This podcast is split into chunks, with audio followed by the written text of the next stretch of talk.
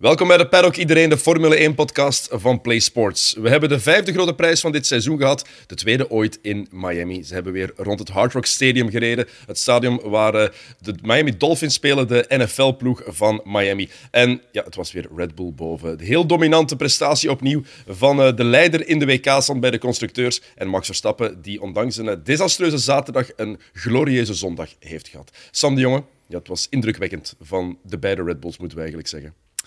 Ja, absoluut. We hadden natuurlijk verwacht dat Red Bull ging verder gaan met hun dominantie. En dat hebben ze ook gedaan.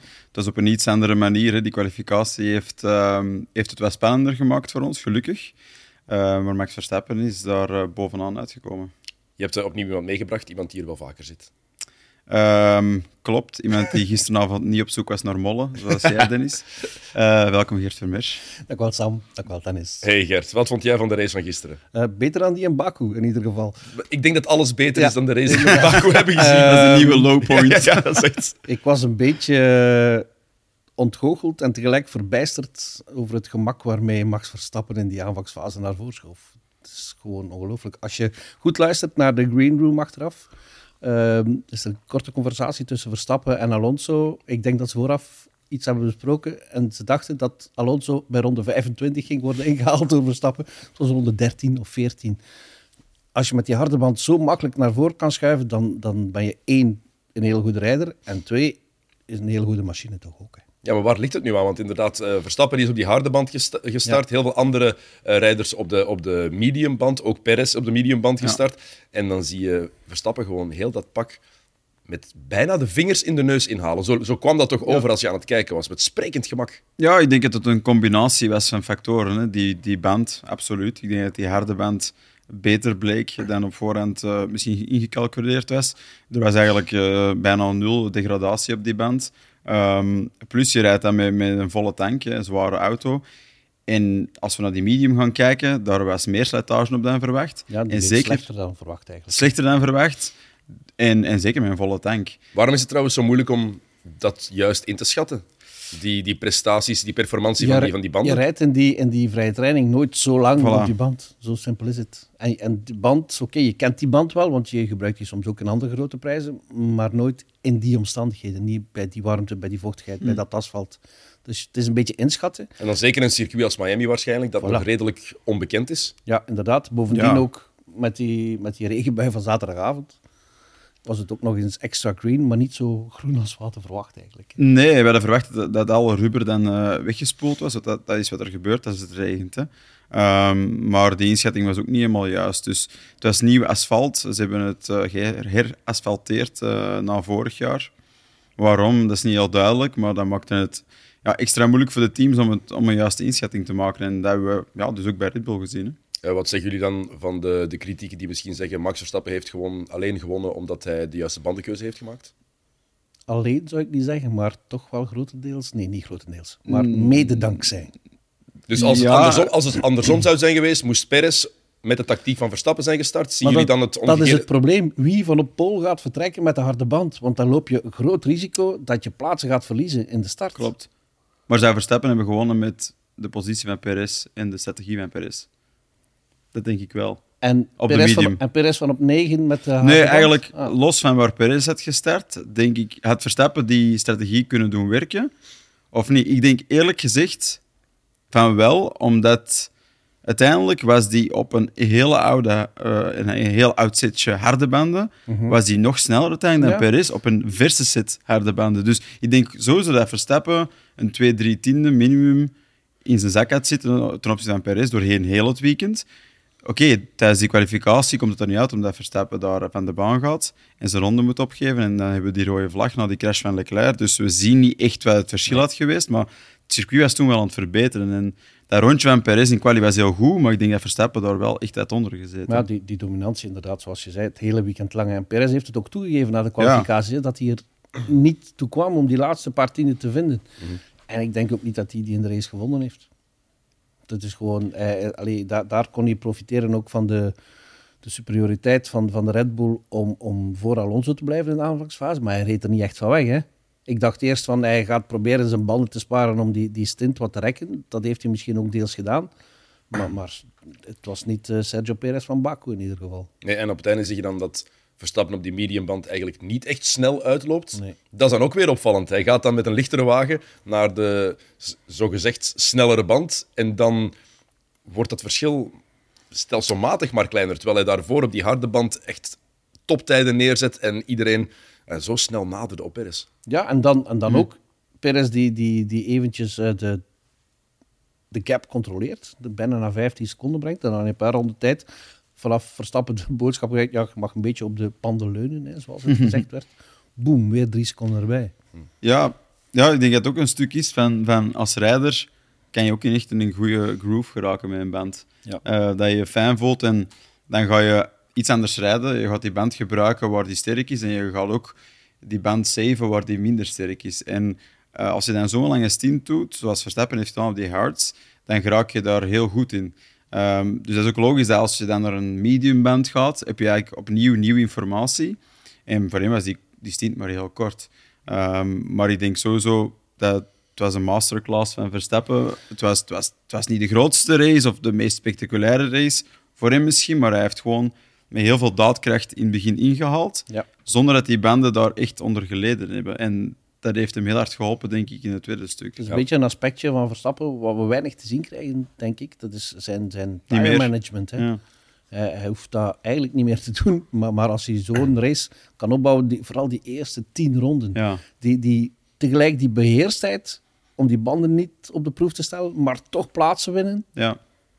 dat is eh, ja, het mooiste stuk van de race. eigenlijk. Terwijl we al redelijk vroeg een beeld kregen van die linkervoorband van Verstappen, waar het rubber van af aan het, aan het vliegen was, Ja. dat hier toch wel wat slijtage op zat.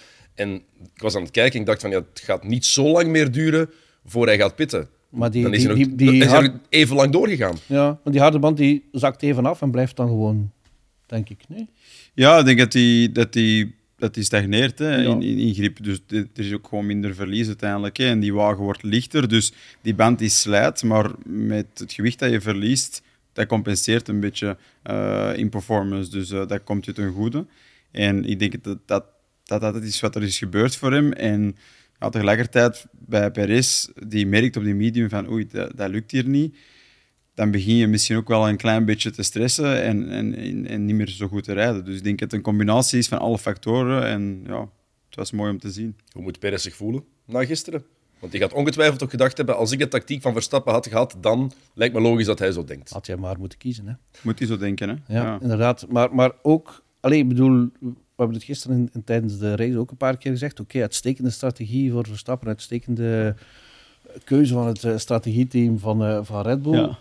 Maar bij, bij Perez zaten ze ernaast. Hè? Ik bedoel, want je- je mocht dus eigenlijk niet op die medium vertrekken. Dat zagen we ook bij de andere rijders, want we zijn nu enkel maar over Perez en Verstappen bezig. Maar er reden er nog ach- 18 anderen mee ook. Hè, toch? Die, komen zo meteen nog aan Ja. bod. Die, komen, die komen nog aan bod. Maar, maar dus daar hebben ze dan de, de bal misgeslagen. Maar sowieso, het is een beetje de, de gouden regel. Je vertrekt niet van op de hart, met de harde wand kan je niet doen, hè? Dat, dat is onmogelijk. Ja. Dus ja, dat, eigenlijk gelukje bij een ongeluk voor Verstappen dat hij die optie had hè, van op plaats 9. Ja, absoluut. En ook ergens een geluk voor de race en voor ons dat we Verstappen van op de negende plaats Ja, hebben zien, zien vertrekken. Absoluut. Stel je voor dat hij de polepositie had gehad, dan hadden we misschien Ja. een, opnieuw een, gewoon een, een, een saaiere race dat gehad. was iets minder geweest. Dan hadden we hem niet zoveel in beeld gezien, denk ik. En dan hadden Ja. we ons vooral op de strijd voor de derde plaats moeten toeleggen, denk ik. Nee? Ja, tenzij dat ze- vanaf, hè, tenzij Perez een betere start neemt. Hè. Ja, en Kan, tenzij dat ze dezelfde strategie hadden gehad, hè, dezelfde compound hadden gehad bij de start, en 1 en 2 starten, dan had Perez denk ik wel voor een langere periode druk Ja. kunnen uitoefenen. Maar denk sowieso gewoon de, de, de, het voordeel van het tempo dat Verstappen had dit weekend, ja, dat had, dat had Perez niet echt iets tegen kunnen doen, denk ik. En, en Red Bull had op voorhand berekend dat de strategie van Perez, starten op de medium en dan naar de hard gaan, ehm, ging drie seconden sneller zijn over de hele race Ja. Dus dat is ook gewoon... Allee, het, is, het is niet enkel eh, er, gelinkt aan de rijders. hè. Het is ook echt de berekening en een, een beetje een tekort aan informatie op dat circuit, in die situatie, die temperaturen. Er zijn ook- heel veel parameters die meespelen. Hè. En ook die berekening, die houdt altijd, of die gaat ervan uit van een ideale race zonder incidenten. Die Mhm. hebben ze gisteren een keer gehad. hè. Nul gele vlaggen. Ik Ja. kan me niet herinneren. Hoe, Vooral daar. hoe, hoe la- ja, vooral daar. Maar, geen gele vlaggen, geen full congel, geen safety car, niks. Nul. Alle 20 rijders aan de finish. Ik, ik- ik werd daar steeds meer van verbaasd eigenlijk. Hoe meer die race vorderde, van, gaat er nu echt niks gebeuren? Gaat, er echt, gaat het incident vrij blijven? En blijkbaar kan dat. ja, wat zegt dat? Ja, maar Ja. Zeggen, zeggen jullie het? Wat zegt dat? Eh, ik vind dat geen goed nieuws eigenlijk. Nee, ik vind dat ook niet. En, en het gaat niet om, om crashes te willen zien. Ehm, ik denk in dat Amerika dat ze dat wel doen. Ja, willen, ja maar, dat wel. maar het is meer zo van... En ik, ik heb er de laatste tijd al veel over gedacht, van het is, het is te gecontroleerd allemaal. Het is, het is natuurlijk niet gemakkelijk. Het zijn, het zijn waanzinnig goede rijders die op de limiet rijden van dat ding, met, met die machine. Maar zijn die auto's nu niet te, te gecontroleerd geworden, te easy? Te, moet dat niet moeilijker zijn? Eh, je spreekt over de beste piloot ter wereld. Je zou op tv moeten kunnen zien dat die aan het vechten zijn Ja. met een auto. De enige, de enige die blijk gaf van, van enig initiatief, vind ik, om iets te proberen met die auto, was Magnussen. Ja, Die, die heeft verdedigd en al manoeuvres uitgevoerd die, Klopt. En, en zonder fouten. Ja, want wat jij zegt is natuurlijk iets anders dan wat, wat Sam zegt. Voor jou is het te ja, ja. gemakkelijk in de wagen. Hoe, is daar, is dit daar Maar- een maar link, als- zit, als zit- het- zit daar ook een link tussen? Als het te gemakkelijk is in de wagen, waarom probeer je dan niet zo? Probeer je niet meer zo'n dingen dan, dan Magnussen? Volgens mij kan het. omdat het niet Dan- moet. Nee, omdat het niet moet, inderdaad. En ook, en daar heb ik me gisteren een beetje aan geërgerd. Als Verstappen, het- oké, het is Verstappen en je gaat aan het eind wel aan het kortste eind trekken, maar verdedig toch eens een beetje, alsjeblieft, als je wordt ingehaald. Iedereen behalve Perez, ga maar, Max. Zo, Ja. zo, zo, zo wordt Ja. het ook niet moeilijker, natuurlijk. Hè? Dat, dat, is, dat is ook een, een stuk van wat, ik- van, van wat ik wil zeggen. Van het, is, het is te berekend, het is te afgelikt Ja. geworden, soms de Formule 1. Er zouden meer onzekerheden moeten zijn, meer onzekere factors, meer, meer verantwoordelijkheid in de handen van de Formule 1-piloot. Ik bedoel, de vorige weekend eh, wordt er over de radio geklaagd van... eh, ja, ik, ik wist niet dat er daar een auto achter bocht 3 ging zitten tijdens de vrije trainingen. Ik bedoel, tijdens de vrije training moeten ze al allemaal een perfect rondje hebben. In Ja. welke andere raceklasse maak je dan mee dat je constant een perfect circuit voor je hebt, helemaal vrij, Ja. waar je de perfecte snelle ronde... Dan moet je afdwingen in andere series. In de Formule 1, alles is, moet perfectie zijn, moet het beste van het beste zijn, maar dan maakt het niet aantrekkelijk om naar te kijken. Ja, want het, het, het argument, this is not your race, hè, wordt dan vaak gezegd. Ja. Hè, als je tegen Verstappen bijvoorbeeld rijdt en je bent, eh, je bent een George Russell, je moet daar niet... Beteken, dat moet- betekent niet dat je niet je positie mag proberen verdedigen. Het toch? geval van Alonso bijvoorbeeld, dat was wel zijn race. Oké, hij finisht op 20 seconden, maar dat is wel zijn race. Dat is de positie die hij moet verdedigen. Maar er wordt gekozen voor, voor track Ja. position. Ey, er wordt gekozen voor, hoe moet ik het zeggen? Eh, ze willen gewoon zien dat ze niet te veel tijd verliezen. In, Voilà, we gaan, in- we gaan verdedigen tegen de rijders die op ons Die- niveau zitten. voilà, Niet op rijders die, waarvan we weten, eigenlijk weten dat ze op dit ogenblik beter presteren Ja. dan ons. Daar gaan we ons niet meer tegen verdedigen. Ik vind, ik vind dat heel contradictorisch als je denkt aan de topsportkarakters dat al die, die rijders hebben, Ja. aan de winnaarsmentaliteit die die hebben. Je gaat mij niet wij- wijsmaken dat een, een Alonso of, of een Russell zich zomaar willen laten passeren door, door Max Verstappen. Nee, en dat is juist, denk ik, wat ook Sam wil zeggen. Het is te gecontroleerd. Ze hebben op voorhand die briefing gedaan met de ingenieurs. En de ingenieurs hebben gezegd, Dat kan er. dat kan er en dit niet. Ja, het is bijna een theoretische sport geworden, Ja. waarbij je perfect zou moeten kunnen uitrekenen van kijk, vandaag is er, is, is, ligt het circuit er zo bij, onze auto die gaat zo reageren, eh, we starten op die banden, dus dat plus dat plus dat. Oké, dat is de uitkomst, je wordt vierde. Wat zeggen jullie dan tegen de mensen die ik- zeggen van dit is al jaren zo? Of het is altijd zo geweest? Ik denk dat altijd de moeilijkheid is geweest van die sport, om dat juist te krijgen en om dat interessant genoeg te houden. Ik denk dat dat absoluut wel klopt. Ik denk dat er wel periodes zijn geweest waarin dat er waarin dat het toch wel soms moeilijker was. Ja, Eh, inderdaad. Het, het wordt, allee, ik kan niet zeggen dat het makkelijk is, hè, want anders zou iedereen het kunnen Nee, doen. nee, nee. Maar het, de inbreng van de ingenieurs wordt is ieder data. jaar beetje bij beetje groter. Het is een, een data-driven sport en daar heb ik het niet zo voor. Data is goed, maar te veel data is Nee, nee, nee. nefast. Voilà, voilà. Eh, die kwalificaties, we hebben daar een interessante Q3 gekregen, die daar Ja. ineens wordt, wordt stopgezet door, eh, door, door die crash. En, Charles. eh, ja, inderdaad. Eh, Max Charles. Verstappen, die Max Verstappen zijn race leek te verpesten, maar hem eigenlijk net mooi heeft gemaakt. Mhm. Eh, maar Sta- Verstappen gaat daar ook in de fout. Dat is iets wat we niet vaak zien eigenlijk. Nee, en ik denk dat dat het soort momenten is waar Sergio Perez zich aan optrekt. Dat hij niet tegenover een, een perfect presterende robot eh, eh, aan het vechten is. Die kleine momenten, die, die gaat Perez nu proberen onthouden, denk ik, van, eh, van dit weekend. En, en zeg, ja, volgende keer ga ik daar wel helemaal gebruik van maken. Ja, zo moet hij ook denken, hè, denk ik. Hoe komt het dat Verstappen daar in de fout gaat? Ehm, ik denk dat, omdat hij uitgedaagd wordt. Hè. Eh, hij laat zich niet echt zot maken, toch niet zo zot als de media misschien wil laten uitschijnen, denk ik. Maar hij voelt wel ergens dat hij nog niet echt een perfect parcours heeft kunnen afleggen dit seizoen. Dit seizoen niet, nee. Ehm, en eh, de realiteit is dat Perez in punten dichtbij zat. En ik denk dat Verstappen iemand is die daar op reageert. Heel hard, heel snel. Ehm, en dan pusht in zichzelf om, om nog verder te gaan. Hè.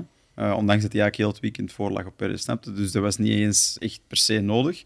Maar hij probeert dat wel. Dat vind ik ook wel het leuke bij hem. Hè. Hij, hij, hij, is super competitief. Hè.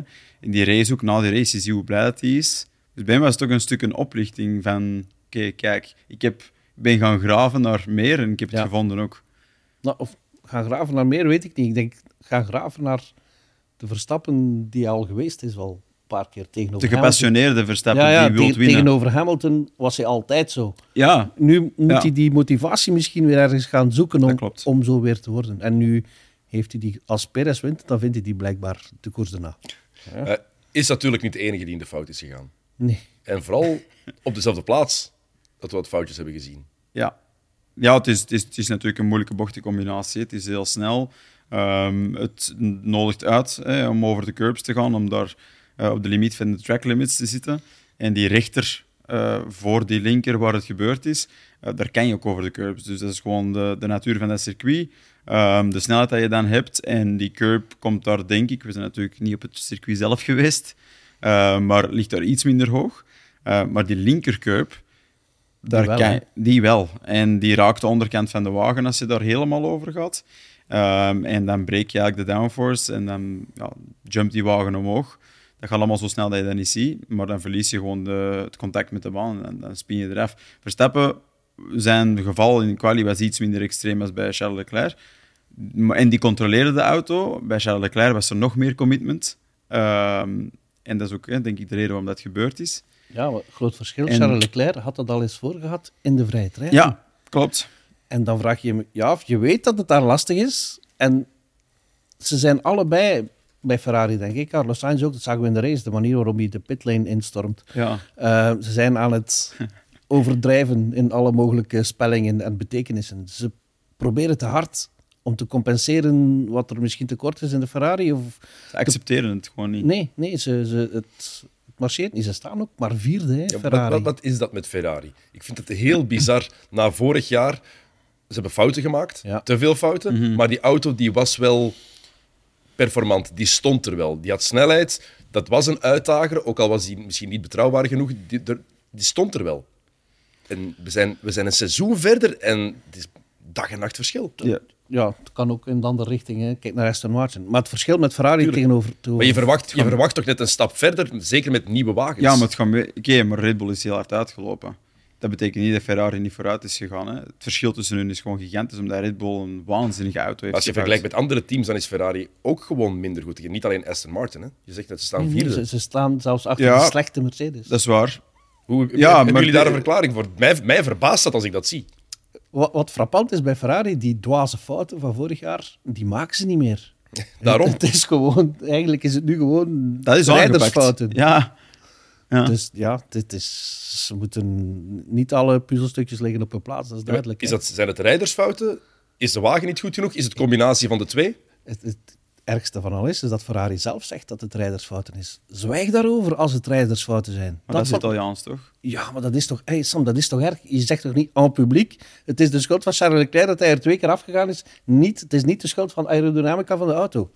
Sorry hoor, maar zo geef je een rijder die op zoek is naar vertrouwen, dan geef je geen steun. Hè? Nee, dat klopt. Maar als ze dat zo openlijk doen, dan vraag ik me af, waarom vinden ze dat correct? Hebben ze dan, hey, wordt er dan toch uitvoerig over gepraat op voorhand, in briefings? Um, en dan bedoel ik de aanpak van het rijden zelf. Hey, wat is het plan? Wat is het doel? Wat willen wij dat jullie bereiken? Als je Ferrari bent op dit moment, dan probeer je het doel misschien niet op het hoogste niveau te leggen en probeer je gewoon te zeggen van kijk, wij willen gewoon scoren, wij willen een aantal podia kunnen halen. Wij willen een basis kunnen leggen voor de rest van het seizoen. Zouden die geruchten rond Charles Leclerc daar iets mee te maken kunnen hebben? Dat ze daardoor harder zijn in de media? Dat hij, de geruchten dat hij misschien naar een ander team zou gaan als de auto niet genoeg blijft presteren? Dat ze toch willen laten merken van... Hey, het ligt niet aan de auto. Ik denk sowieso dat Ferrari daar wel, allee, doorheen de jaren, dat is wel in de politiek, denk ik. Hè? De, de, Italiaanse autosportpers eh, die, die springt op alles wat, wat beweegt als er Ferrari in de buurt komt. Dus de, maar dat is ook niet slim dan van, van Leclerc om daar verder op in te gaan. Hij heeft bijvoorbeeld geantwoord op die, die geruchten, want het waren het maar geruchten van je hebt contact met Mercedes. Heeft hij gezegd van nee, ik heb geen geruchten met Mercedes, nog niet. Tom. zo dom die nog niet daarachter te zeggen. Want dat, veroorzaakt chaos in Italië. En als, je Grande dan, en, als je dan, Casino. en als je dan niet presteert, Ja, voilà. Maar dan is er misschien een breuk, ergens wel. Dan Nee, is er ergens een een- beginnende breuk. En dat vind ik zo raar, want het is wel Vasseur hè, waar we het over hebben. Ja, ja, Dus ja. Dat is eigenlijk Zijn- de man die Leclerc Heeft opgevoed. Ja, voilà. Bijna. Allee, ja, in de autosport. In de autosport toch? Ja. Dus, Want Leclerc is eigenlijk het grootste enigma hè, van, eh, van Ja. dat team. Oké, de wagen is niet zo goed als die van vorig jaar, maar dan kijk je dit weekend en dan zie je Sainz degelijk presteren. Ik denk dat we het op wel, zijn niveau, denk ik. Ja, ik denk dat we dat wel zo mogen noemen. Maar Leclerc is gewoon beneden zijn niveau. Hij is toch te goed voor wat hij heeft laten zien in Miami. Ik denk, denk dat de groei van Leclerc binnen de Formule 1 en de, de zeer snelle groei, en misschien te snelle groei, er ook wel mee te maken heeft. Hè. Uiteindelijk is hij na één jaar bij Sauber Ja. naar een topteam gegaan in een topwagen met de verantwoordelijkheid van daar te presteren. En ik denk dat je sommige kneepjes wel beter leert in, eh, in het midden van het veld of achteraan. Hè. Dat, dat zeggen we vaak van mensen die bij Williams kunnen starten. Dat lijkt lastig, maar dat is soms een voordeel. Je leert met moeilijke, moeilijkere situaties omgaan, met een auto die niet altijd marcheert. En bij Leclerc, na één jaar pats in een Ferrari, dat ging dan eigenlijk ook goed in het begin. Ja, met, omdat hij naast Sebastian Vettel zat. En Sebastian Vettel was daar de kopman hè, Ja. in het begin. Dat heeft niet lang geduurd dat hij nog Nee. kopman was. En dat, maar dat zat hij ook in een conflict situatie waar hij eigenlijk goed uitkwam, hè, Leclerc. Maar nu met Sainz naast hem, moet hij zich toch, gaat iedereen vanuit, superieur tonen. Eh, boven Sainz dan bedoel ik. En dat lukt niet altijd. En dat, ik denk dat dat ook wel in zijn hoofd begint te spelen natuurlijk. Ja, ik denk, dat klopt. En, en, en gewoon zijn mindset over Ja. hoe hij, omgaat met risk en rewards. Ik denk dat, dat daar iets fout zit. Hij vindt nog altijd dat zijn aanpak de juiste is. En dat als je de, de afweging maakt van de pro's en de contra's, dat de pro's winnen.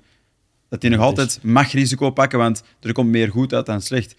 Maar stiltjes aan beginnen die cijfers een beetje tegen Ja, hem te kantelen, vind Ik ik. bedoel, de, vorig jaar al die, de schuiver in, in Paul Vorig Ricard. Jaar. Eh, van het jaar ook de, wat hij doet in Australië, eh, wat hij doet in de qualifying hier. Ja. Er heeft niemand van het hele startveld zo weinig raceronden gereden als Charles Leclerc dit jaar. Hè. Dat wil wel iets zeggen, denk ik. Waar moet Ferrari nu naartoe dit jaar? Want we Imola, zijn nog maar vijf grote prijzen verder. Er zijn er nog 18 te rijden. stabiliseren, denk ik. Ja. Ik denk dat ze eens moeten proberen om een clean weekend te hebben met hun beide piloten. En gewoon solide, pff, gewoon wat punten pakken. En, en kilometers kunnen maken en kunnen leren uit wat... Want wat er nu allemaal aan het gebeuren is, is een heel harde afleiding van wat die auto eigenlijk kan. Ja, Ik bedoel, er wordt nu gekeken naar de foutjes die worden gemaakt, maar wat is het potentieel van die auto? Daar zijn andere teams wel mee bezig. Hè, er is minder, minder, ja, gewoon minder heisa rond en die kunnen zich eh, concentreren aan het begin van het seizoen, aan hun nieuwe auto. En dat vind ik bij Ferrari, dat er is weer te veel afleiding naar de foute dingen. ja ze zijn... bedoel, maar het kan ook... Dat is dan weer het voordeel dat het heel snel kan omslaan bij Ferrari. Als ze de volgende grote prijs in Imola, thuisrace dus, als ze daar goed presteren, dan is iedereen het weer vergeten. Dat is nergens Voor even. Ja, voor even, natuurlijk. Ja. Tot Monza. Tot, of nee, tot Monaco, denk ik. Dat, dat is, maar dat is het mooie aan deze sport. Hè. Ja. Dat is het mooie dat het zo snel kan keren. Voor, voor hetzelfde geld zitten we hier over twee weken en praten we inderdaad helemaal anders over, over Ferrari. Ja. Eh, tweede grote prijs ooit nu in Miami. Wat vonden jullie? Wat vinden jullie van dit circuit? Want na de eerste keer is het altijd dat is moeilijker om het echt in te schatten. Nu hebben we twee dingen waar we op terug kunnen vallen. Wat vinden jullie van, eh, van het circuit? Van het tracé of van... Het tracé. Eerst het tracé Ah, gewoon om op te racen. Behalve die, die, die chicane daar, eh, bocht 14, Die, hè? 15. Ik heb het niet goed verstaan. Ja, die dus.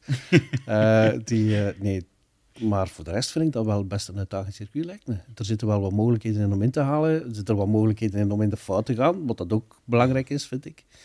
Die lastig zijn dus. En voor de rest, ja, vind ik eh, het nieuwe asfalt lijkt me ook wel mee te vallen. Vorig jaar ging dat stuk, hè, eigenlijk het asfalt. Het eerste asfalt dat ze hebben gegoten, want ze hebben dan nog tussen de vrije trainingen Ja. moeten, moeten bijgieten. Nu lijkt, mij, eh, lijkt het goed, het tracé is goed. Sam? Ik ben het ermee eens. Ik vind, ik vind het circuit zelf, de layout ziet er goed uit. Ziet er ook goed genoeg uit om, om kansen te bieden om, om, om in te halen. Eh, er zijn heel technische stukken bij, wat echt lijkt op een krap straatcircuit. Ik denk dat dat je dat moet creëren als je een straatcircuit wilt. Maar er zijn ook snel, snelle bochten bij, waar er ook ruimte is en waar een Formule 1-auto tot leven kan komen. Dat zien we ook niet overal. In Monaco is dat absoluut niet meer echt het geval, buiten in de tunnel. Maar ja, dat is eigenlijk rechtdoor.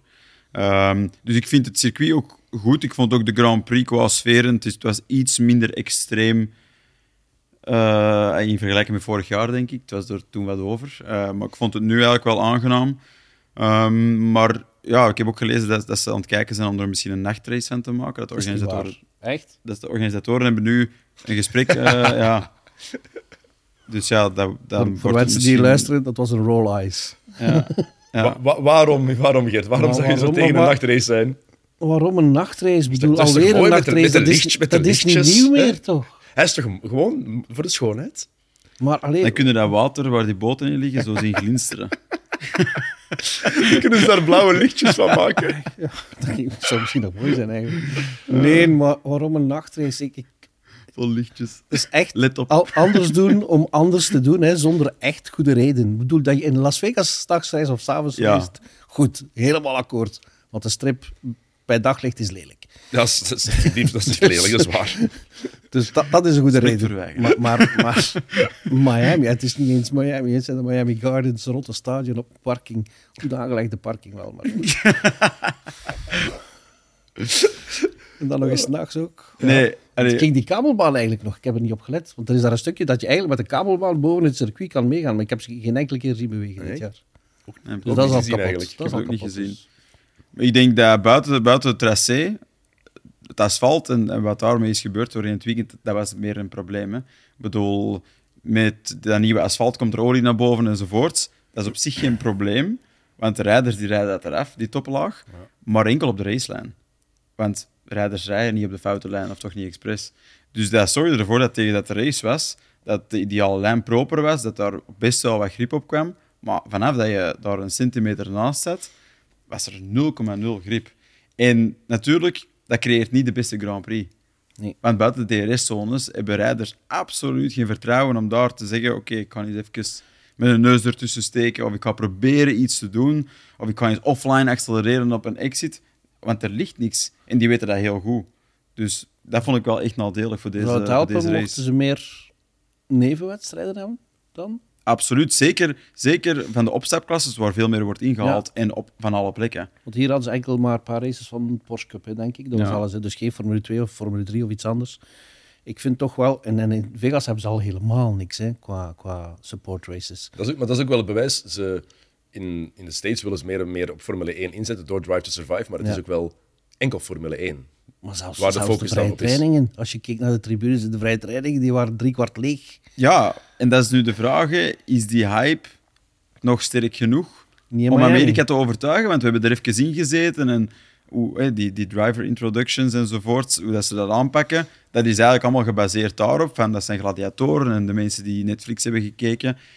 Maar dat effect begint wel wat weg te hebben. Zeker als je weet wat ze in Amerika qua racing en qua spektakel gewoon zijn. Ja. Veel meer. En ze, ze, ze kijken ook voor de, voor de personages. Als je, als je hoort eh, wat de reacties waren toen Daniel Ricciardo op het scherm verscheen, dat zegt eigenlijk Ja. genoeg. Eh, we hebben daarnet samen gekeken naar, naar de, de rijdersvoorstelling eh, onder begeleiding van LL Cool J en, eh, en Will.i.am. Ja, dat maakt ook duidelijk hoe ze het daar benaderen. Dat is hoe ze toen eh, in de NBA, hoe ze toen in, in baseball, in NFL, dat gaat over de individu- individuen, dat is waar het rond, rond gemaakt is. En zo bekijken zij Formule 1 ook. Dat is hoe zij alle sporten daar bekijken gewoon. Ja, maar, maar aan de andere kant, mocht er in de NBA publiek toegelaten zijn voor oefenwedstrijden, ik veronderstel niet dat dat het geval is als zij trainingen doen. Of toch Train- trainingen niet, nee. Voor Nee. de opwarming... Bepaald, Voilà, de opwarming wel, hè, Bijvoorbeeld maar- voor, voor Stephen Curry destijds, die Ja. had een bepaald, bepaald ritueel. Daar hebben ze effectief de zalen vroeger voor moeten open doen, omdat mensen wilden kijken hoe hij zijn opwarming deed. Voilà. Dus Maar alleen bij hem natuurlijk. Ja, maar, maar, maar trainingen Ja. komt er dan ook geen, geen kat kijken. En en eigenlijk, de organisatoren van Miami, ze beseffen het gelukkig al, want ze beseffen ook dat het nieuwe in Miami er vanaf is, een beetje. Dat ze zich nu meer gaan moeten toeleggen op, op de, de fans van de sport. Mensen die echt geïnteresseerd zijn in de autosport en niet in de plasma TV, hè, zoals het eh, de paddock af en toe wel is daar. En, en dat is goed dat ze dat beseffen, maar dat zal ook nodig zijn, want anders heb je geen lange, basis. ter- geen Ja. lange termijnvisie ook. hè, Ja. want Ja, het was inderdaad wel plasma TV, want er de celebrities er waren. hè, ja. Vooral Roger Federer, Federer hè, langs Ja, de kant. dat is- ik, weet, ik weet de naam van die acteur niet wie dat eigenlijk Nee, is. Ik herken hem. hij is ik- bekend, hè? Ja, hij is echt Dat is zeker niet Roger. Dat is zeker niet Roger Federer. Nee. Ik dacht volgens mij- Roger van volgens Damme mij- misschien, maar ook niet. Ook Volgens niet, mij stond hij er misschien naast en, en zag je die camera, maar die cameraman ging swingen en dan stoppen op Roger Federer. En misschien is hij gewoon weggesprongen toen hij zag wat er ging gebeuren. Die kinderen geen bal van. Nee, voilà. Maar hij, hij lijkt er een beetje op. Ik, kan, ik weet ook... ik Man, kan, nee, hij lijkt er Hij totaal lijkt er wij- totaal ik niet snap- op. ik Hij snap- lijkt meer op in een Giancarlo een Fisichella dan... in, een bepaal, in een bepaalde hoek lijkt hij erop. oké? Ja. Bij de nachtrace ligt die erop. Ja, inderdaad. Daarom willen ze naar een nachtrace gaan. Dat ze zich fouten kunnen veroorloven. Kijk, maar het is, het, is allemaal niet zo erg als... ehm, wie was dat eh, vorig jaar? Ehm, Martin Brundle. ja, die, denkt dat, eh dat eh, Paulo Banchero dat het Patrick Mahomes was. Dat was. Dat was ook een, een, een heel, een heel top. Een heel interview doen en van, ah ja, you're not Patrick. Ja, maar pas op. De nummer 1 draft pick in de NBA. Dat gebeurt ook eh, tijdens de Gouden Schoenenvoorstelling. Van die dingen. Ja, dat is wel goud. Oh, prachtig. Schoen. Ja, oh, heel mooi. Ehm, ik had wel medelijden met ene Logan Sargent. Want Ja. dan rij je een race op een half uurtje van je huis. Mhm. Een half uurtje van de plek waar je opgegroeid bent. Is je hele familie daar, al je vrienden zijn daar. En dan rij je de meest anonieme race die er maar kan Maar hij heeft zijn. hem uitgereden. Dat is al, Ja, voilà. Dat is maar, al maar iedereen, iedereen. Maar ik, ik had er wel echt medelijden Ja. mee. Echt. Ja. Niet doen, dat is niet nodig. Ik bedoel, hij zal, Nee. hij zal dat ook niet zo Het is wel erg in de gevonden Formule hebben. Ja, voilà. Dat is waar. Ja, tuurlijk, ja. Maar ligt, het- ligt het aan hem? Ligt het aan de wagen? Dat het eh, voor hem geen goed weekend was?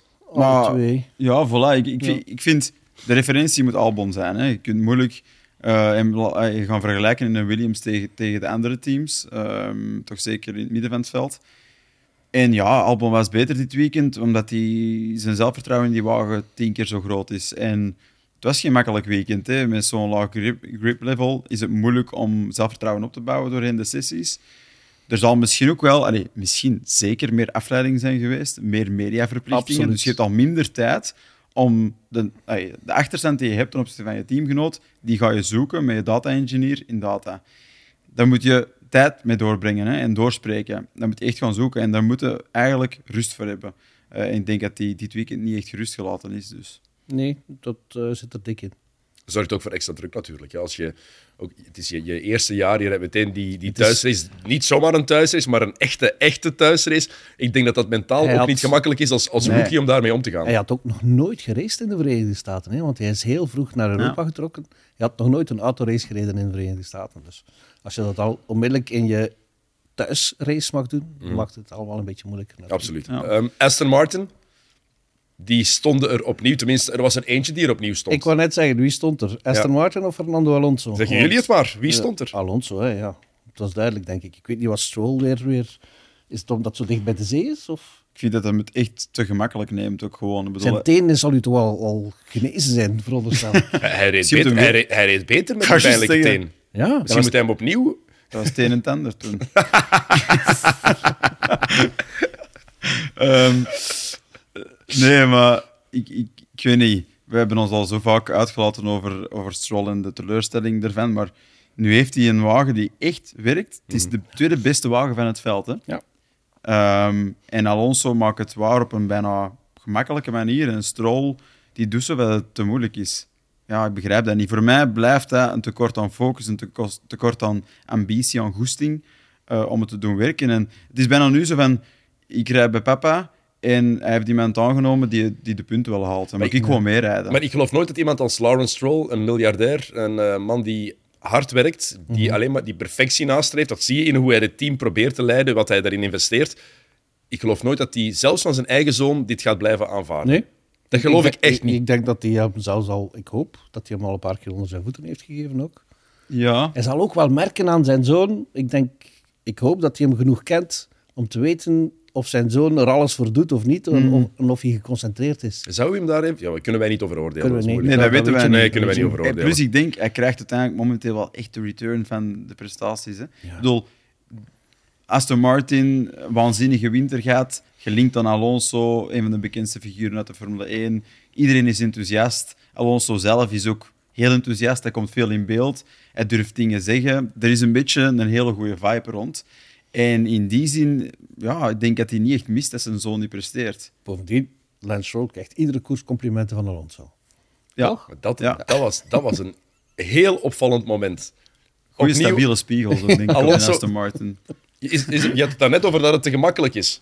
Is het Ja. te gemakkelijk voor, eh, voor Fernando Alonso in die zat Aston gewoon naar Martin? tv te kijken. Ja, wat was hij aan het doen Ja, maar, maar eh, advocaat van de duivel, is dat niet een beetje typerend voor het personage Fernando Alonso, die Absoluut. niet enkel briljant wilt zijn, maar het ook nog eens extra in de verf wilt Ja, zetten? ja, want het feit, het, eigenlijk het meest tekenend aan die, dat commentaar dat hij gezien heeft dat uh, Lance Stroll een schitterend manoeuvre heeft uitgevoerd. was het feit dat hij het gezien heeft. Dat is het ding. Dat is het Dat gaat niet over Lance. Nee, dat gaat over hem. Niet. Dat gaat over Alonso. Kijk, ik rijd derde en ik heb de ruimte om te zien. voilà. Het is ook wel mooi hoe meer je, meer je na begint te denken over de carrière van Fernando Alonso. Grijs kent die mens niet. Hè? Nee. Het is ofwel super slecht ofwel is het fantastisch. Ja. het zijn Ja. alleen maar uitschieters als je hem hoort praten, tenminste, vind ik. En hoort Dat- reageren. En, en misschien is dat de manier waarop hij de meeste resultaten haalt ook. Hè? Hmm. Want al, behalve bij McLaren en Honda toen, daar waren de resultaten niet echt beter door de commentaren Nee. die hij toen gaf. Maar, Dat is ook maar, ja. onmogelijk, denk ik. Ja, denk ik. ook. Maar ja, het, zijn- het, is goed dat, we, dat er nog altijd zo iemand is in de Formule 1 die, die zo van die extreme uitspraken doet. Ja, En niet eerst het publiek bedankt en dan... En echt waar, ik, ik ben niet altijd per se een mega Alonso-fan geweest. Maar als ik ouder aan het worden ben nu, Oei, dan oei, apprecieer oei, ik. Ja, ik ben ouder aan het worden. Dan is dat eigenlijk voor ons heel goed. Want hij bewijst, 42 jaar, Ja. Ja, dat hij op zijn 42 de Formule 1 vooraan rijdt. Dat is eigenlijk goed voor de rest van de, auto's, van de autosport, want daar wordt leeftijd soms een beetje te hard in de weegschaal gelegd. Van, Ja. ja. eh, als Ik je vond, 30 bent, dan, eh, dan kun je het niet meer, terwijl je eigenlijk altijd beter wordt, tot een bepaald punt. Maar Alonso doet het op het hoogste niveau, dus ik vind dat positief voor die sport. Ik vond de post-race interviews van Jensen Button ook leuk toen, ze, toen Fernando aankwam, een handje geven. Het was bijna zo van, ik ben maar een jaar jonger dan jij, maar ik ben er wel nog een man. En jij staat al ja, eigenlijk in prepensioen, hè, Jensen Button. Ja, en Ja, hij heeft vet. vooral nog altijd ambitie, Alonso. Als je dat interview ook hoorde achteraf, eh, nu is het tijd om te mikken naar nog een stapje hoger. We, zijn, we waren al blij wil winnen in Monaco, hè. We, waren al- we zijn al blij dat we, dit, dat we dit nu bereiken. Die derde plaatsen, die podia, Ja. hadden we niet verwacht eigenlijk voor het seizoen. Zei, als, we dat, als we daarvoor hadden kunnen Ja. tekenen, hadden we het gedaan. Maar ook heel mooi, voor, ik vind dat prachtig, die topsportmentaliteit, die winnaarsmentaliteit, om te zeggen, oké, Nu nu, hebben doen- we nu doen we dit. Ja. Dan Ja. moeten we wel verder denken naar, naar de volgende stap ook. Ook weer in de green room, een conversatie met Verstappen. Toen Verstappen zei van, eh, ja, bedankt om mij zo te laten passeren. Reactie van Alonso, in Monaco zal dat niet gebeuren. Voilà, dus hij gaat er al vanuit dat hij voor Verstappen op de baan zit in Monaco. Dat is toch, ik vind dat fantastisch, zo'n instelling. Ik denk niet dat Lance Stroll zoiets Maar aan zo moet-. Dat is Zo, absoluut de juiste. Oké, hè? maar dit, dat moet eigenlijk ook. Hè. Op dit niveau is dat ook de ingesteldheid die je toch moet hebben. Ja, maar ik denk wel, Dennis, dat je in deze sport dat niet per se kan vergelijken met andere sporten, omdat je hier zit met eh, man en machine. Ja. En als je weet dat die machine niet sterk genoeg is, als piloot, weet je dat het onmogelijk is. En je kan bijvoorbeeld nooit met Williams even snel zijn Nee. als een Red Bull, ook al steek je Verstappen in die Williams. Mocht Alex Albon zeggen tegen Verstappen, Ja. in Monaco kan ik je niet. Dat is belachelijk. Hey, bij andere sporten, teamsporten, waar je spelers koopt, dat, dat, dat zijn dan de onderdelen van, zoals in de uitsport de wagen is, maar dat is toch nog iets anders. Hè? Daar train je met mensen hè? en hier is, hier de combinatie. Dus ja, ik vind dat ergens Oké, wel maar dan, logischer. daarnet hadden we het over dat, dat we vonden dat er te weinig verdedigd werd tegen, tegen Verstappen. En Ja. dat is waar, ik- waarom ik dat ook aanhaal. Omdat ik vind dat het net wat Alonso hierbij laat zien, is wel die ingesteldheid van ik ga er wel, ik ga er tenminste wel voor vechten. Ook al is je wagen misschien niet goed genoeg. Dat is wel, moet wel, ik vind dat wel je mindset moet zijn van als het kan op zo'n circuit als, eh, als Monaco, ik ga je niet zomaar laten passeren. Ja, maar ik vind dat ook de verantwoordelijkheid van de teams om dat eigenlijk met de piloten, om die mee zo te vormen. Want ik denk dat het door de overdreven eh, hoeveelheid data, worden ze bijna gedwongen in een positie waarbij dat ze zo moeten rijden om dat resultaat te behalen. En de vrijheid wordt kleiner achter het stuur, eh, omdat er een bepaalde goal is. En die kan je maar enkel bereiken als je zoveel, zoveel ronden die banden goed houdt en zoveel ronden dat doet en zoveel fuel saved daar. En Ja, iemand, je instinct gaat een beetje, verwatert een beetje. En, en een hoopgevend voorvalletje in de, ik weet zelfs niet of het de eerste of de tweede vrije training was. George Russell moest een nieuw, nieuwe stuurinrichting uitproberen van, van eh, Mercedes. En al in de eerste ronde zei hij van, dit, dit lukt niet. En de ingenieur natuurlijk, zoals een ingenieur altijd reageert. Ja, maar we, moeten, we hebben deze planning, je moet dit doen en je moet het werk de stint af. Een ronde later stond George Russell in de box. Dit moet weg, zelfs al kost het ons een half uur, maar dit moet weg. Dat is al een goede instelling. Durven ingaan tegen de technische staf. Je moet het niet overdrijven natuurlijk. Hè. Je moet niet altijd... Dat durft nemen. eh, George Rus- Ja. Russell sorry, wel goed. Hè? Die, die, is- die durft wel echt beslissingen nemen. Maar ook, de maar beste, ook omdat hij drie of vier jaar Williams, of drie jaar Williams achter zich heeft en die bagage wel heeft. Ja, voilà. Ja, dat klopt. Wat vonden jullie van eh, Mercedes dit weekend? Verloren.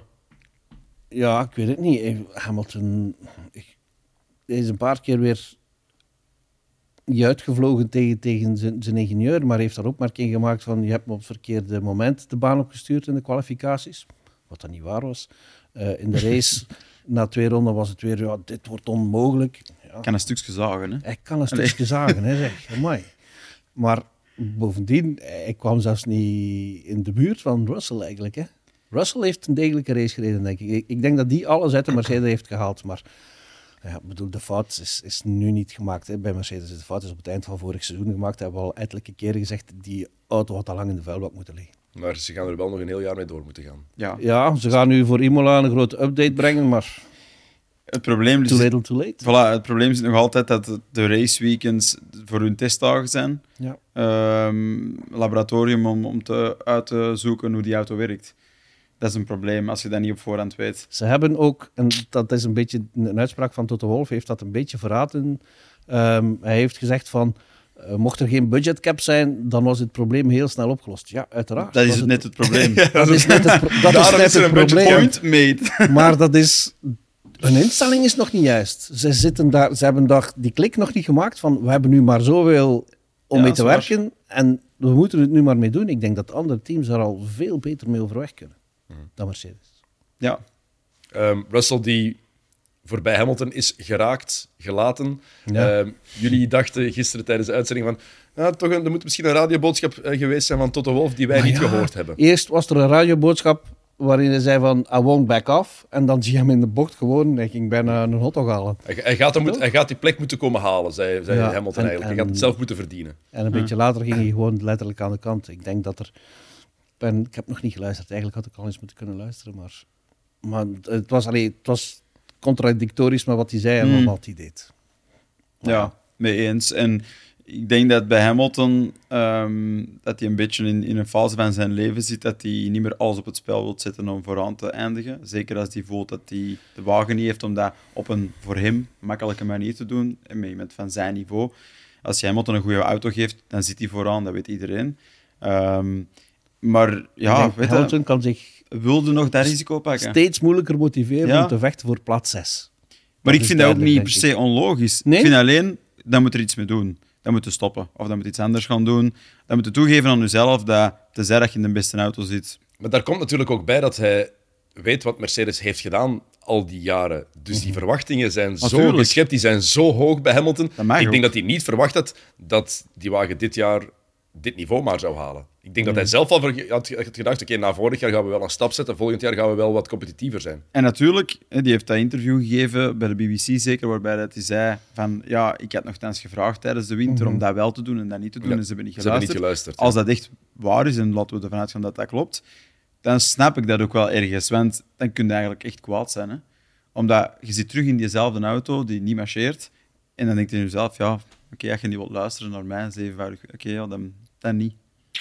Ja, dat is... Dan krijg je ook niet alles van mij terug. Hebben jullie het interview van Bottas gehoord, waarin hij het over Lewis Hamilton had? Ah, nee. Ik heb er iets over gelezen. Een podcast, in een podcast en hij heeft hij even de lofzang boven gehaald over waarom eh, Lewis Hamilton zo'n geweldige, geweldige rijder is. Dus ik vond het heel mooi. Eh, was, was, het gemeend? Was het gemeend? Het was, het was, het was echt gemeend. want Hij, hij downplayde eigenlijk zijn eigen, zijn eigen prestaties. Of, of downplay is niet het juiste woord, maar hij plaatste dat in een heel groot perspectief. Van ik heb gewonnen, ja, maar als het er echt op aankwam, dan was Lewis eigenlijk altijd sneller en beter. Dat is, dat is fair, hè. En, en, en Bottas zit eigenlijk ook eh, in zo'n fase, in zo'n headspace, dat hij dat, dat hij precies wil eerlijk zijn met de wereld. En ik denk wel dat Hamilton naast de baan misschien een van de meer menselijke rijders is. eh, die ook wel eens contact opzoekt met de mensen waar hij contact mee wil hebben. Ik denk dat het imago dat Hamilton heeft voor veel buitenstaanders anders is dan wat het effectief inderdaad in de Ja, paddock is onder de, onder de Dat rijders. is niet de macho, Dat typische macho. dat moet toch lastig zijn als je naar de buitenwereld een- zo'n heel ander imago... Ik bedoel, waarom kom je ook dat is, ja. iedere dag met een andere outfit naar het circuit? Dat Oké, is- En, en ik, ik vind ze mooi, hè. ik ben de enige die van de drie die ze mooi vindt. Maar, maar waarom moet je dat iedere dag iets anders doen? Ik bedoel, Maar gaat ook toch veel hemden, Geert? ja, maar ik doe niet iedere dag een ander aan. hè. Ja, maar dat- toch dat is- elke keer als wij u dat is- zien. Dat, dat, dit is al de tweede keer, denk ik. Dat is, dat, ja, dat is, in- dat is into, into fashion zijn en denken aan Maar andere dingen nog. buiten het rijden. Zeker. Ik, ik, ik, ik, ik heb dat liever, met alle respect, ik heb liever dat dan Verstappen, waar ik altijd van denk van, wie ben jij naast de baan? Liever kleurrijk dan kleurloos. Inderdaad. En ik vind ik hou van Max Ja. Verstappen. ik- Zijn interviews vind ik saaier en saaier worden, maar ik, vind, ik vond dat een fantastisch figuur vroeger. Toen ik hem zelf mocht interviewen, toen Stoffel nog reed, was hij ook eh, nog wat meer uitgesproken. Hè? Toen, toen, maar toen zei hij nog iets. Maar ik denk, zo bij sommige rijders denk ik ook van, ja... Oké, het moet niet altijd zo extravagant als Hamilton zijn, maar een beetje kleur mag er wel in zitten. Ja, maar dat is subjectief, hè. Dat is ook, iedereen gaat er een andere mening over hebben. Dat Ja, is- en, en er, er zijn, ik bedoel, rijders evolueren. Hè. Ik bedoel, Jensen Button in het begin van zijn carrière Mij. zou hem ook een pak slaag gegeven hebben. en nu, achteraf kwamen daar wel interessante dingen uit, natuurlijk. Ehm, een paar teams die ik nog opgeschreven had. Haas, ook een thuisrace. sterke prestatie. Hè? Ehm, ook daar wel, denk ik, doorheen dit seizoen meer teleurstelling dan, dan, dan dat we gisteren gezien hebben. En, en ik weet niet per se of dat, dat iets is voor de long run dit seizoen. Is het een uitschieter of niet? Het is een heel specifieke Grand Prix geweest met de Hulkenberg, enzovoort. Hulkenberg haalt zijn eerste podium dit jaar. Schrijf het op. Ja? Ik hoop het. Maar Magnussen heeft wel gereageerd op Ja. de vorm van Hulkenberg. Voilà, voor dat de is- eerste keer. En dat is ook goed. En nu gaat dat blijven, blijven gaan. Gaan- over. Ja. Oh, mooi. dat is het mooiste van het seizoen al. Heel schone. Eh Hulkenberg nogthans, ja, hij was binnengehaald bij, Ja. bij Haas om Ja. niet voor brokken te zorgen. Dit weekend zijn vijf, vijf grote prijzen ver en, en het was wel zover. Het was een stevige. Het was een stevige, maar op, een, op de Mick Schumacher-schaal was het een drietje. Hè? Ik wou echt juist zeggen. Bij Haas is zo, oh, het is maar dat. Het is maar dat. Dus ja, de, de, bedoel, de vier wielen dingen nog aan de auto. Dus ja, nee, maar hij is het slachtoffer, ja, slachtoffer geworden van wat eh, Sam daar zei. Een hele dunne ideale lijn. Hij zat er 20 centimeter naast en was hem kwijt. Dus Ja. Dat details. Eh ander team dat ik nog opgeschreven had, eh, en ik heb er het woord falen voorgeschreven. McLaren. McLaren. Ja. Geen Ik- ik- idee. nog zo'n... Echt geen idee. Nee. Ik was nogthans tamelijk optimistisch voor McLaren na Baku, want Ja. daar waren ze niet slecht. Een goede stap gezet in die vier weken pauze. En nu ineens nergens, hè. Nergens. En, en ze hebben dat dan nog proberen forceren met, die, met de bandenstrategie door op een softband te vertrekken, wat al bijna onmogelijk is als je niet in de eerste drie ronden een, een safety car krijgt. Wat kan hè, in Miami altijd. Maar je hebt misschien wel verwacht ook. Ja, en dan, ja, dan, dan zit je eigenlijk... Bovendien was de wagen ook niet perfect. Hè. Piastri had blijkbaar remproblemen. eh, Norris, die, Norris, die zijn motivatie... Die, die, Ik twijfel er... Ja, ik maar die jongen, die, maar, dat is ook begrijpbaar, hè, Sam? Ja. bedoel, die jongen Ja. die vecht al zo lang om zijn generatiegenoten... Hè, de Sainz en de Russells, die, die, die staan er allemaal eigenlijk klaar. Opvolger van Lewis. En vooral, Ja, Er dat is geen- niet meer. Hè. Dat is George Russell hè, nu. en vooral er is geen teken Ja, maar stel dat Lewis stopt. Zou, zou Mercedes zo ver gaan van die weg te kopen bij McLaren? Duur, hè? Maar Lando Norris, ja, ook dat, maar dat is het lang contract. Hè. Dat Dat, is- dat, heb dat- ik dus helemaal niet probleem, gesnapt. Hè. Waarom hij vorig jaar of twee jaar geleden al zo'n lang contract tekent bij McLaren. ja, Waarom, waarom zou je dan niet bijvoorbeeld liever Piastri kopen? Dat gaat goedkoper zijn. Ja, ik denk. Potentieel ja daar dat is in. ook een feit. Ja, en die doet het op zich eh, heel goed in vergelijking met Norris. hè. Ik snap de frustratie bij Norris ook wel ergens. Hè. Vooral, je hebt dan eh, even, even tekenen van beterschap. Je, McLaren lijkt in de stijgende lijn te zijn, dan gaat het weer naar beneden. En dan heb je dit jaar waarin het letterlijk op en af gaat. Eh, vooral af. Maar het vertrek, ik bedoel dat ze ook daar iemand als Andreas Seidel hebben laten vertrekken naar, naar Sauber, hè, dat Sauber Audi wordt. Audi wordt. Dat was, Dat vond voor ik mij ook. was dat de baken bij Ja. McLaren. Hè. Ja. Dat was degene waar alles rond draaide, waarmee ze konden bouwen. En nu is die weg en blijven ze over met Zack Brown en Andreas Stella. Sorry hoor, maar nee. Ja. Dat is echt, ik, vind het, ik vind het ook jammer. McLaren is een team dat je Ja. bij de top 5 wil zien. Dat is een, een klassiek team, dat hoort daarbij ergens. En het Ja, jaar na jaar is het opnieuw een teleurstelling. En even waren ze daar. Hè. Even deden ze mee om de best of the rest te zijn. Ja. En En kijk nu naar Alpine. Hè. Ik bedoel, dat, dat, dat was het territorium van McLaren de vorige jaren. En Ja. Pwah, daar zitten ze ver, ver vanaf. Hè. Ze zaten voor Aston Martin. Hè. Ja, ja, dus, ja. ja. dat gaat dit opgelost beschouwing. geraken daar? Want dit is niet enkel meer een verhaal van dit jaar. Nee. Dit is nu al een verhaal dat al van 2016 16, hè, ja. bezig is. Ja. Dus En- dat is al een en hele periode. Er zijn daar een paar eh machtswissels al geweest. Hè. Zack Brown die het dan en die heeft iets opgebouwd. En dat lukte dan wel. En dan vallen ze weer terug. Maar ze waren nooit zo hoog geraakt als ze eigenlijk wouden raken bij die, bij die. Net niet. En dan, En dan vallen ze toch terug. En dan vraag ik me nu af of dat het dan wel de juiste mensen zijn op die posities. ja, Want de, de financiering van dat hele McLaren-team, die, uit Bahrein, die, die gaan ook niet blijven denken van jongens, ehm, zijn er nog teams die we nu kunnen financieren? Of... ja, dat stopt ook op een bepaald Ja, moment. ik denk hè. het wel. En die luxe hebben ze misschien te veel gehad. Ja, Dat ze de ruimte hadden om zogezegd jaren te hebben om te groeien. Ja, het McLaren Technology Center, het is nog altijd een van de mooiste Formule 1 ateliers ter wereld, maar die windtunnel die erin staat, die is dus hopeloos verouderd. Die kan zelfs niet meer gebruikt worden door de wielrenners van de Olympische Spelen. Wat vroeger wel Is dat het echt? geval was. Ja. Oké, dat is, dat is wel wel- een heel slecht voorteken. Eh, goed, waar we het vorige week nog niet over, over hebben kunnen hebben, Sam. We hebben dat toen gezegd, omdat eh, Frits te veel verhalen bij had. Ehm, en, Een mooie verhaal. ja, en we nog altijd niet genoeg hebben gehoord van die Nee, verhalen eigenlijk. absoluut. Dus dat moet nog eens terugkomen. Eh, maar het nieuwe sprint race format wilden we het nog even over hebben. Eh, gelukkig zit daar de ideale Is man daarom dat ik hier zit dan? Dennis, ik had gezegd de laatste seconde van de aflevering gingen we dat aan, dat hij niks door had. We hebben, we, hebben nog tien, minuten- we hebben nog tien minuten. Ik ga hem aan hem tien minuten geven om het even eh, aan te halen. alsjeblieft, Gert, blijf. voor, de mensen die nog, eh, voor de mensen die niet weten wat er veranderd is, Gert, leg het nog eens uit. Wat is er nu Het is aangepast? Heel simpel. En blijf rustig, alsjeblieft. Ja, ja, maar het is, het is heel simpel. Ik vind het, om nog eens dat te herhalen, een stap vooruit. Want ze hebben de zaterdag er volledig uitgelegd uit dat sprintweekend eigenlijk. Hè. Want de uitslag van de sprintrace heeft in C geen invloed meer op de startgrid van de race van zondag. Dus Ja. we hebben gewoon op zaterdagochtend qualifying voor die sprintrace van zaterdagnamiddag. En zaterdagnamiddag een kort koersje voor acht punten. Dat is het. Dat heeft als grote voordeel dat er maar één vrije training meer is op vrijdag. En als grote nadeel al de rest. Voilà, het gelegd. Toch? Nee, mij, wat mij het meest gestoord heeft in Baku was, was die, de, de dip in de spanningsboog. Ik bedoel, je had onderhouden de kwalificaties op vrijdag. Die maar door de helft gezien zijn van de mensen die ze anders op zaterdag hadden gezien.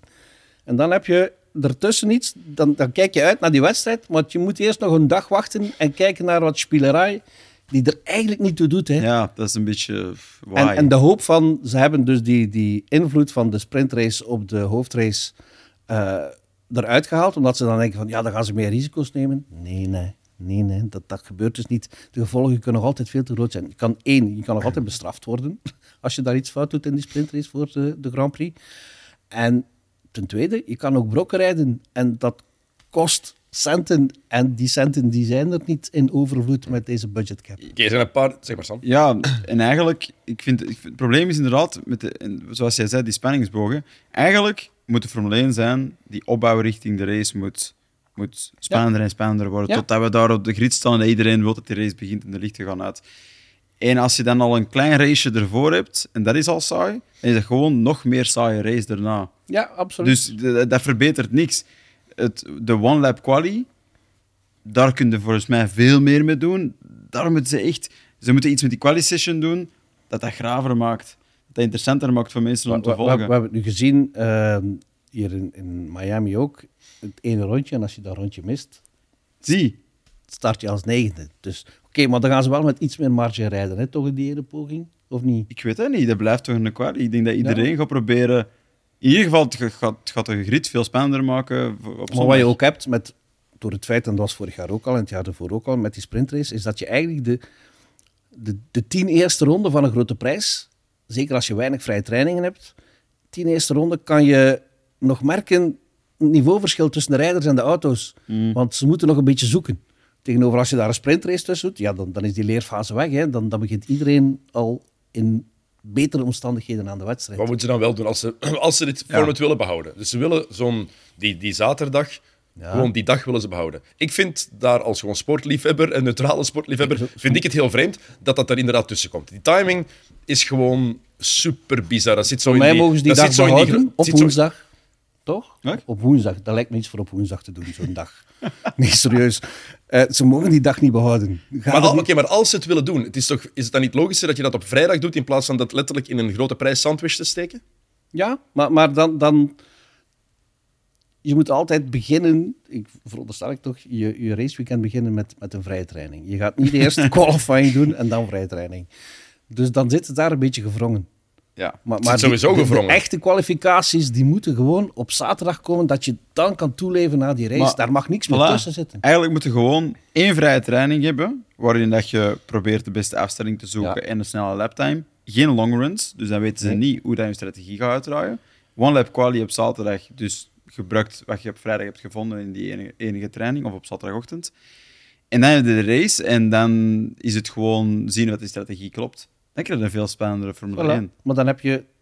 Die sprintrace is dan weg, hè? Ja, dat is dan heb je gewoon twee daarvoor. Mij is dat Wat, ook goed, wat ik ook gewoon dacht bij die sprintrace, als je dat effectief daar belang aan wil, wil hangen, als je wil dat rijders risico's gaan nemen, kan je die puntenverdeling niet houden zoals die nu is. 8, 7, 6, Ja. 5, 4, 3. Waarom zou je in godsnaam naar risico's nemen? Je hebt toch te, er is te weinig verschil dat je kan, kan pakken. Stel je voor, geef de, geef de eerste in die sprintrace 15 punten en de tweede 8. Dan, dan ga, maar dan ga je misschien wel een andere ingesteldheid Ik zien, want dan begrijp zijn jouw er veel punten te redenering. verdienen. Ik begrijp jouw redenering, maar dan neem je nog meer glans weg van de Grand Prix. Oké, maar, dan, maar dan geef je tenminste wel Incentive. meer waarde aan die. Nu is die zaterdag, wat je net zegt, Ja, maar verdient Die spelerij. verdient die race meer waarde? Nee, toch? Nee, maar, ze, maar ze- moet- het is wel, Nee, maar we moeten wel enige waarde geven maar om het is, het is wel duidelijk vormen, dat dat de richting is waar ze in willen gaan. Want er zijn er zes dit jaar. Dus het is teken duidelijk dat ze redeneren: oké, we, gaan, we gaan dit behouden, we gaan dit verder uitwerken. Als je dat wil doen, of je nu fan bent of niet, maar gewoon in het achterhoofd van het gaat sowieso gebeuren. Het is er sowieso. Moet je er dan niet meer waarde aan hechten? Ook al is dat nefast voor de grote prijs, maar als het er toch is en het gaat blijven, moet er dan niet meer te verdienen zijn voor de rijders, dat we spektakel zouden kunnen krijgen? Ja, de, de, de, allee, de nadelen van een crash of een aanrijding zijn gewoon op momenteel toch nog te groot in vergelijking met wat ze kunnen winnen. Hè. Ik bedoel, je zit ook qua onderdelen beperkt is met de budgetcap. Ja, er is te veel, denk ik, ehm, dat riskant is om, om, om tijdens die sprint iets te gaan doen. En ik weet, nee, ik weet zelfs niet of dat punten er iets aan zou veranderen. Misschien iets meer, maar... Ja, zou, dat, zou dat ingesteld niet Ik veranderen? Stel je voor dat je enerzijds- 15, pu- dat je 15 Ja. punten kan verdienen en de tweede krijgt er maar 8 of 7. Dat het verschil dus echt wel navenant is. Zou dat geen Dat, dat kan je ook. wijziging maken? Ik weet het niet, want normaal gezien wel, hè. Want, maar dan, dan, want dan, dan win je twee derde van de grote prijs op een derde van de afstand. Om het maar zo te zeggen. Dus Ja. die waardeverhouding die klopt dan ook niet. Je kan ook, bedoel, maar wat is de volgende stap dan? Om het nog beter te maken, ook op zaterdag een volwaardige grote prijs te houden. en Twee dan Grand twee Prix. Grand Prix op een weekend. Ja, dat is echt...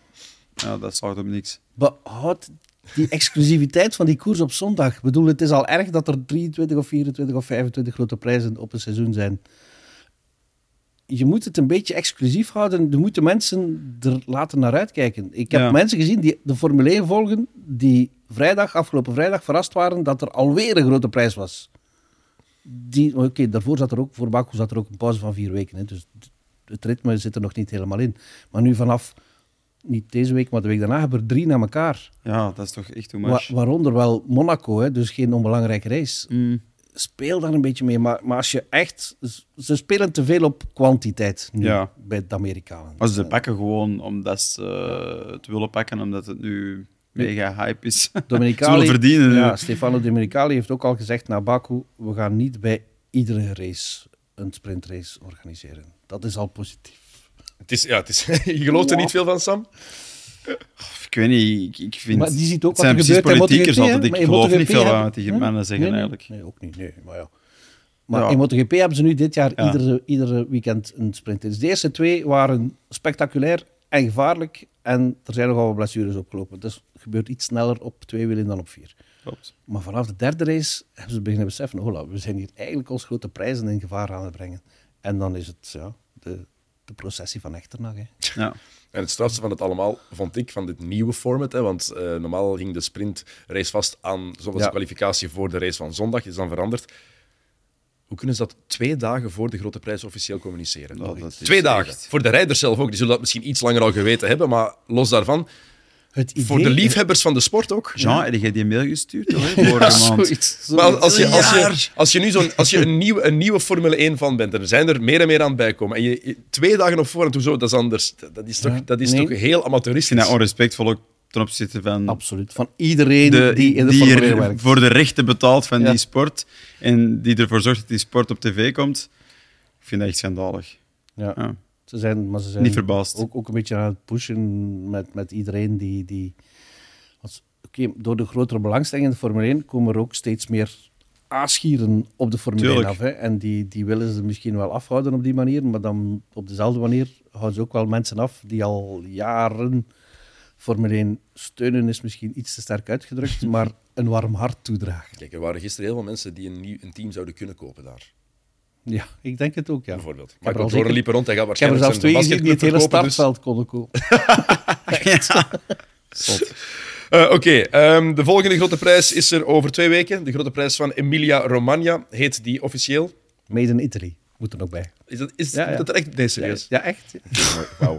Eh, wel leuk, een traditioneler circuit.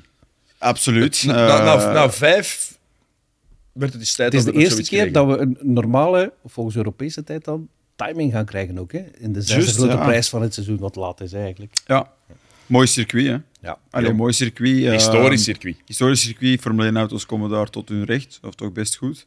Niet per se een circuit om makkelijk in te halen. Dus Nee. dat is niet zo gemakkelijk. Enkel hebben we daar spannende dingen in de eerste bocht gezien, denk ik, afgelopen jaren. En wie weet regent het, dat kan natuurlijk wel iets brengen. Ja. En welke wagen? Ja, te- met Red Bull, Red Bull, ik weet het, maar buiten, Red, buiten, buiten Red Bull. Ik weet dat je Buiten onder de grond hebt gezeten, Dennis, maar op zoek naar de mol. Maar Buiten Red Bull, voor welke wagen, welke wagen gaat daar het best tot zijn recht komen? Wie gaat Red Bull... Wie gaat denken dat die Red Bull kan uitdagen? Ferrari, hè. De Ferrari is verplicht om te denken dat ze in Imola ja, op zijn minst voor een podium die gaan er op de limiet van hun turbo zitten Ja, om toch mee vooraan te zitten, denk zo- ik. maar zoals ze nu rijden, komen daar brokken van. Ja, absoluut. Oké, het gaat interessant worden. Eh, Sam, Gert, dank jullie wel om Yes. hier te zijn. Eh, ik bedank u voor het kijken en luisteren. Wij zijn terug over twee weken met eh, de grote prijs van Emilia Romagna, made in Italy. Eh, die ga je dus live kunnen volgen op Play Sports. En maandag is er dan ook een nieuwe aflevering van de Paddock. Dus heel graag tot dan. Salut.